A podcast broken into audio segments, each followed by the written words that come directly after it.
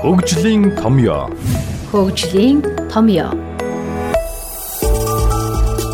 Дотоодын нийт бүтээгдэхүүн гэдэг бол тодорхой хугацаанд Энэ оны инфляцийн түвшин болон хэрэглээний үнийн индекс эдийн засгийн боловсрол гэдэг бол эдийн засагч бизнес Хөгжлийн томьёо.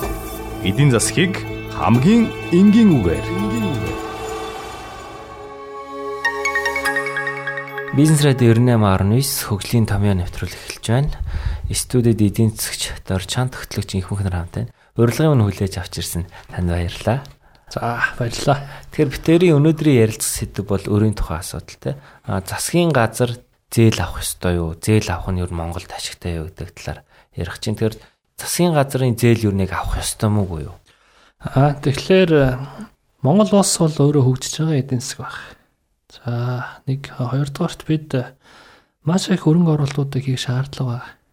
Яагаад вэ гэхээр Монгол үнийн өнөөдрийн бодит орлого жилийн 1400 доллар байгаа юм. За энэ бол э, олон улсын төвшөнд аваад үзэх юм бол энэ бас л баг буураа хөгжилтэй орны төвшөнд байгаа юм аа. Гэтэл э, нүүбийн англиар Монгол улс бол дунд орлоготой за ер нь бол нэлээд их хөгжиж байгаа улс гэсэн ангилалд бол багтдаг. Гэтэл өнөөдөр Монгол улсын дид үтцийн хүчит маш сул. Хов хүмүүсийн бас э, одоо босрлын төвшин, амжиргааны төвшин бол маш бага байгаа байхгүй. Тэгэхээр эний чинь нөгөө шийтгэхийн тулд санхүүгийн их усүр хэрэгтэй. А гэтэл э, Монгол улсын хувьд бол дотоодын хөрөнгө оруулалт бол маш багатай, дотоодын нөөц нь багатай байхгүй. А гаднаас хөрөнгө оруулалт оруулж ирья гэд тэгэхээр улс төрийн байдал доктортой биш. За хамгийн одоо бодиттой оруулж ирдэг салбар нь болохоор уул уурхай. Уул уурхай салбар нь өөрөө бас доктортой салбар биш байхгүй. Эрсдэл өндөртэй. Тэгэхээр э, ийм докторгүй байдал дээр бид нар яаж энэ нөгөө улс орны хөгжлийн санхүүжилтийг хийх юм бэ гэдэг асуудал энэ юмд гараад ирж байгаа. Тэгэхээр яалтч авахгүй бид нар зээл авах тийм шаардлага бол байна. Өнөөдөр бол бид э, Америкийн эдийн засаг биш, Японы эдийн засаг биш, Монголын эдийн засаг монголчууд явж амьдарч байна тийм үү? Бүх түүхэндээ бол Япончууд, Америкчууд, Англичууд, Европын маш олон орнууд бүгдээрээ л хөгжиж явах үед хин нэгнээс зээл авчил санхүүжилтээ хийж ийж амьд ард түмнийхээ амьдралыг дэвшлүүлсэн байдаг хөөхгүй. Тэгэхээр энэ бол зайлшгүй. Тэгэхээр ялтч байхгүй бас л мөнгө төгрөг босгох энэ ажлуудаа явуулах юм шаардлага байна. Яагаад ямар шаардлага юм бэ гэхээр бидний амьдрал маш хүнд хэцүү байна. За дээрэс нь ажлын байрныг одоо бий болгох шаардлага бол бидэнд их байна.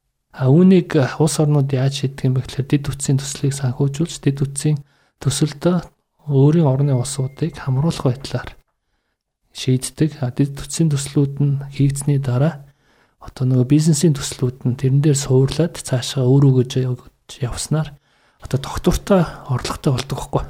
Тэ. Үндсэндээ бол бидний хувьд бол одоо гаднаас агуулжлтын хүсэр авах ийм зайлшгүй шаардлага бол байгаа. Тэгвэл ер нь энэ зээлийн хэмжээ нь одоо их байх ёстой юу, бага байх ёстой юу? Их зээл авснаар үүсэх эрсдэл нь яг юу вэ? Тэгэхээр бид нэг ийм сүүлийн туушраад байгаа юм л та. Нөгөө сүүлийн 3-4 жилийн хугацаанд маш хэмжээний засгийн газрын боондыг гаргаад оруулж ирсэн их усрээ маш үр ашиггүйгээр зарцуулсан болохоор те гаднаас зээл авах нь буруу юм аа, ер нь муухай муухай юм аа, муу юм аа гэж. А гэтэл үндсэндээ бол маш буруу бодлого, бараг бодлого байхгүй байснаас болоод бид нар оруулж ирсэн мөнгөө аль салбарт хаашаа санхүүжүүлэх вэ гэдэг нь тодорхойгүй байсан болохоор бид нар мөнгөө цацсан байхгүй. А гэтэл энэ буруу бодлого, буруу санхүүжилтээс болоод уулаасаа гаднаас зээл өргөдөг ч муухай юм а гэж юусоо харж болохгүй юм баг. Ингэж дуусчих болохгүй. За тэгэхээр хэмжээ гэж ярьж байна юм уу? Хэмжээний хувьд бол бид дотоодын нийтгэх өнөөдөр 10-аас 11 тэрбум доллар байгаа. За маш зохистой харьцааны дотоодын нийтгэх 40% байх хэрэгтэй өнөөгөө үнцээр илэрхийлснээр тий. А Монгол улсын бол 70 гаруй хувьтай бол байна. Олон улсын төвшөнд бол энэ 40%-ийг бариад явсан тохиолдолд санхүүгийн хувьд бол хэрүүлээ гэж үздэг. Тэгэхээр бид нар өнөөдөр бол өндөр хэмжээний хөр үүсгэсэн байна. Үнийгээ буулгах үнэхээр хэрэгтэй. Яаж буулгах вэ? Монгол улсын хувьд бол бид түрүүн хэлсэн эдийн засгийн ангиллаараа бид бол тундаж орлоготой орон гэд нэгдсэн үндэсний байгууллагын англиар ийм ангилд орсон байна. За ийм орнуудын хувьд бол гаднаас тусламж авах боломжгүй. А хөнгөлтөө зээл авах боломжтой, мөн арилжааны нөхцөлтэй зээл авах боломжтой. За хөнгөлтөө нөхцөлтэй зээл гэдэг нь бол өвчлэн бидний өмнө авч ирсэн 30-аас 40 жилийн хугацаатай жилийн одоо дээдл 1% хүүхдийн зээлийг хэлдэг байхгүй. Тэ. Арилжааны нөхцөлтэй зээл гэдэг бол одоо зах зээлийн хүүдээр нэмэх нь 3-аас 4 одоо лайбр гэж ярьд юм л да. Лондон хооронд Лондонгийн одоо банк хоорондын зээлийн хүү гэж ярьд. За хамгийн сүүл бид нар 10.8% хүүтэй зээлийг одоо гэрээгээ бондыг бид нар босгож авчихсан. Мацалаа бондыг бас авчихсан. Тэгэхээр энэ бол богино хугацаатай өндөр хүүтэй дарамт их үзүүлдэг ийм зээл аам л да.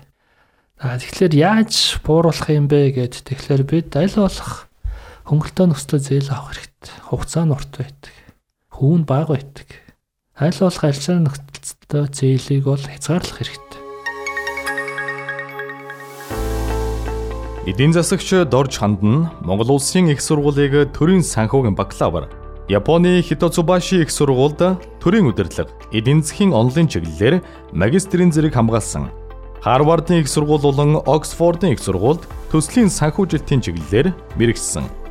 Мөн тэрээр олон улсын валютын сангийн Аз номхон далайн орнууд хариуцсан захирлын зөвлөх сангийн яамны санхүүгийн бодлого, өрийн удирдлагын газрын дарга Азийн хөгжлийн банкны нэгдсэн үндэсний байгууллагын бүс нутгийн эдийн засгийн хөтөлбөр хариуцсан захирал Японсын сангийн яамд дадлагжигч ажилтнаар ажиллаж байсан.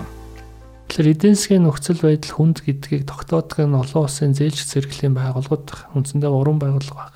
За тэр 3 байгууллага бол манай эдийн засгийн хөндлөнгөөс үнэлээд за эрсдэл таах чадвартай байна гэд дүгнэлт гарах юм бол манай одоо босгох зээлийн хүү бол буурдаг эрсдэлтэй байна гэж үзэх юм бол одоо дээшээ өсчихдөг тийм ээ. Тэгэхээр тухайн үед эрсдэл өндөртэй байсан тэр үеийн өндөр хүүтэй зээлүүдийг бид нар солих хэрэгтэй байх. Яагад гэвэл өндөр эдийн засгийн үзүүлэлтүүд харьцангуй сайжирсан байгаа болохоор тэгэхээр одоо өөрийн дахин санхүүжилт гэдэг юм да ийм зүйлийг яаралтай хийх хэрэгтэй. За нэг жишээ хэлээ л да. Одоо бид 2012 онд Чингис бонд гэж гаргаад 4.5% хүүтэй эдийн засаг сайн байсан үед баггүй. Тэгээд нэг нэгээс 1.5 тэрбум төгрөг босгож байсан. Дунджаар 5% хүүтэйгээр доллар доллараар тий. А гэтэл эдийн засгийн муудад ирэхэд нөгөөх маань 7 болсон 8 болсон хамгийн сүүлд 10.9 болсон баггүй. Тэгэл цаашаага ер нь л явчих гадсэн. Яаж хийж байгаа л одоо нэг улс төрийн оноо авахын тулд эдийн засаг ямар бахаас үл хамааран мөнгө гаднаас босгож ирж тэ арт түмлүүгээ таламжийн бодлого явуулдаг. Тэгээд бид нар өнөөдөр л одоо засгийн эрх авч ивэл маргааш одоо хэн бах нь бидэнд хамаагүй гэсэн ийм нэг хүний сэтгэлгээр хандаад маш өндөр хүүтэйгээр зээл аваад эхэлчихсэн байхгүй. Аа. Тэ. Тэгээ ийм байдал цаашаа үргэлжлэх гээд байсан болохоор олон улсын валютын сангийн одоо хөтөлбөр манад хэрэгжиж сахилга хатыг бол тогтоосон. Үр дүнд нь бол эргээд эдийн засаг сайжирсан. Энэ бол бодиттой факт. А тэгээд бид 2016 он гэхэд 16-ны 12 сар тохиолбол бүр 11% руу ороод цаашаач 50 туучлаад та яг л Аргентинараас орчлоо та гэжсэн. Яг хав Монгол хүмүүс бас цацтай арт юм л да. А тэгэхээр өнөөдөр эдийн засгийн нөхцөл сайжирч байгаа тэр үнэлгээг хийсэн болохоор бид одоо олон улсын зах зээл дээрээс тухайлбал 5-аас 6% хүүтэй мөнгө өсөх боломжтой болж байгаа. Тэгэхээр 3-аас 4 жилийн өмнө 10-11% хүүтэй байсан тэр мөнгийг бид нар төлдлөөд зогсоогоод өнөөдөр өөртөө мөнгөчлээ гэсэн 5-аас 6% хүүтэй зээлийг аваад тэр их үсрээр нөгөө өндөр хүүтэй зээлийг зогсоох гэдэг бол зөв бодлого байхгүй. Бид тэр хоёр дахин одоо зардлыг хэмжиж байгааз. Тэ Тэгвэл ер нь одоо энэ өрийн асуудал дээр Монгол улс яг ямар бодлого баримтлах ёстой вэ? Өрийг хямд их үсрээр солих ажлыг бол явуулах нь зүйтэй. Харилцааны нөхцөлтэй зээлийг бол бити яав. Олон улсын байгууллагуудын одоо ямар нэгэн бодлого шингээгүй ийм мөнгийг авах хэрэгтэй гэхдээ хөнгөлтөө нөхцлөөр. Ерөөсөө сахилга бата маш сайжруул төсвөө одоо халдагдлахгүй баталдаг бай. Одоо төсвийн тогтолцоо чи яаж явдаг юм бэ гэд тэгэхээр маш хэмжээний зарлага гаргаад байна. Зарлага гаргаж байгаа үндэслэл нь юу вэ тэгэхээр 76 жижигхэн тойрогоос сонгогдсон гişүүд дахид сонгогдохын тулд тухайн тойрогтол одоо үр ашигтай байна уу, үр ашиггүй байна хамаагүй ажил хийсэн байхын тулд объект санхүүжүүлцдэг усын төсвөөс.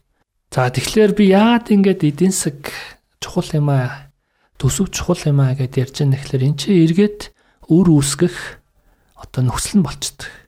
Зардал ихтэй байгаад орлого нь одоо хангалтгүй төвшөнд байсан тохиолдолд төсвийн алдагдал үүсэн. Төсвийн алдагдлыг юугаар санхүүжүүлэх вэ гэхлээр гаднаас зээл тэг ингээл ийм нэг гинжин одоо уралт явах юм бол бид нар өр зэлийн асуудлыг шийдэж чадахгүй. Тэгэхээр энийг л одоо чадах зүйлээ зардал гарахгүйгээр шийдэх боломжтой болохоор энэ засаглалынхаа асуудлыг сонгуулийн тогтолцоогоо нэг яралтай өвчлөөл гэж.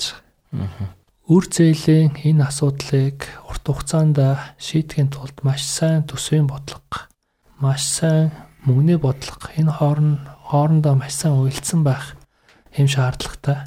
Бид засгийн газрын аливаа төслүүдэд маш сайн бэлдэх хэрэгтэй байна бэлэн биш байгаа тохиолдолд гаднаас мөнгө оруулж ирээд энэ маань дарамт тусчод байна. Нэг дээрэс нь маш хэмжээний объектуудыг санхүүжүүлээд энэ маань эргүүлээд маш хэмжээний зардлыг нэхэд байна. Бодлого хэрэгтэй.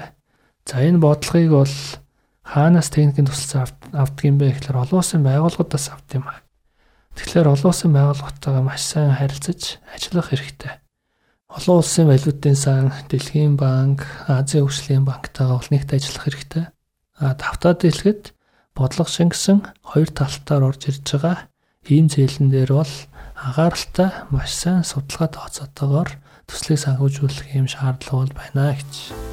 За баярлалаа сонсогчдаа хүн бизнес радио 98.9 хөгжлийн томьёо нэвтрүүлгийг хүлээн сонслоо. Студид эдийн засгч дор чанд хөтлөгч инхмээр хамт байлаа. Хамт байсан та бүхэнд баярлалаа. Замын хөдөлгөөнд болгоомжтой оролцоорой. Хөгжлийн томьёо. Хөгжлийн томьёо. Дотоодын нийт бүтээгдэхүүн гэдэг бол тодорхой хугацаанд Энэ оны инфляцийн түвшин болон хэрэглээний үнийн эд Эдийн засгийн боловсрол гэдэг бол эдийн засагч бизнес Хөгжлийн томьёо. Эдийн засгийг хамгийн энгийн үгээр